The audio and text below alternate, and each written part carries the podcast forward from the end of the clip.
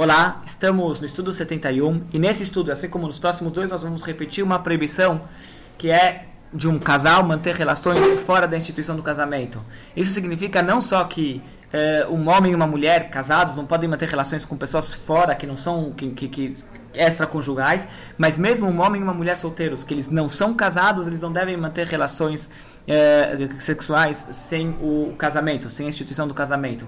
Como mencionamos no estudo anterior, o casamento natural é chamado de Kiddushin, consagração. É uma instituição sagrada ao casamento. E o ato, a relação carnal entre um homem e uma mulher, também deve ser feito com essa santidade, tem que ser tratada com essa santidade e dentro dessa instituição sagrada que é o casamento. No judaísmo, diferente de outras culturas, nós encaramos o, a relação carnal entre um homem e uma mulher como algo sagrado. Tem vários aspectos nas mitzvot que são pertinentes a um casal que demonstram isso daqui.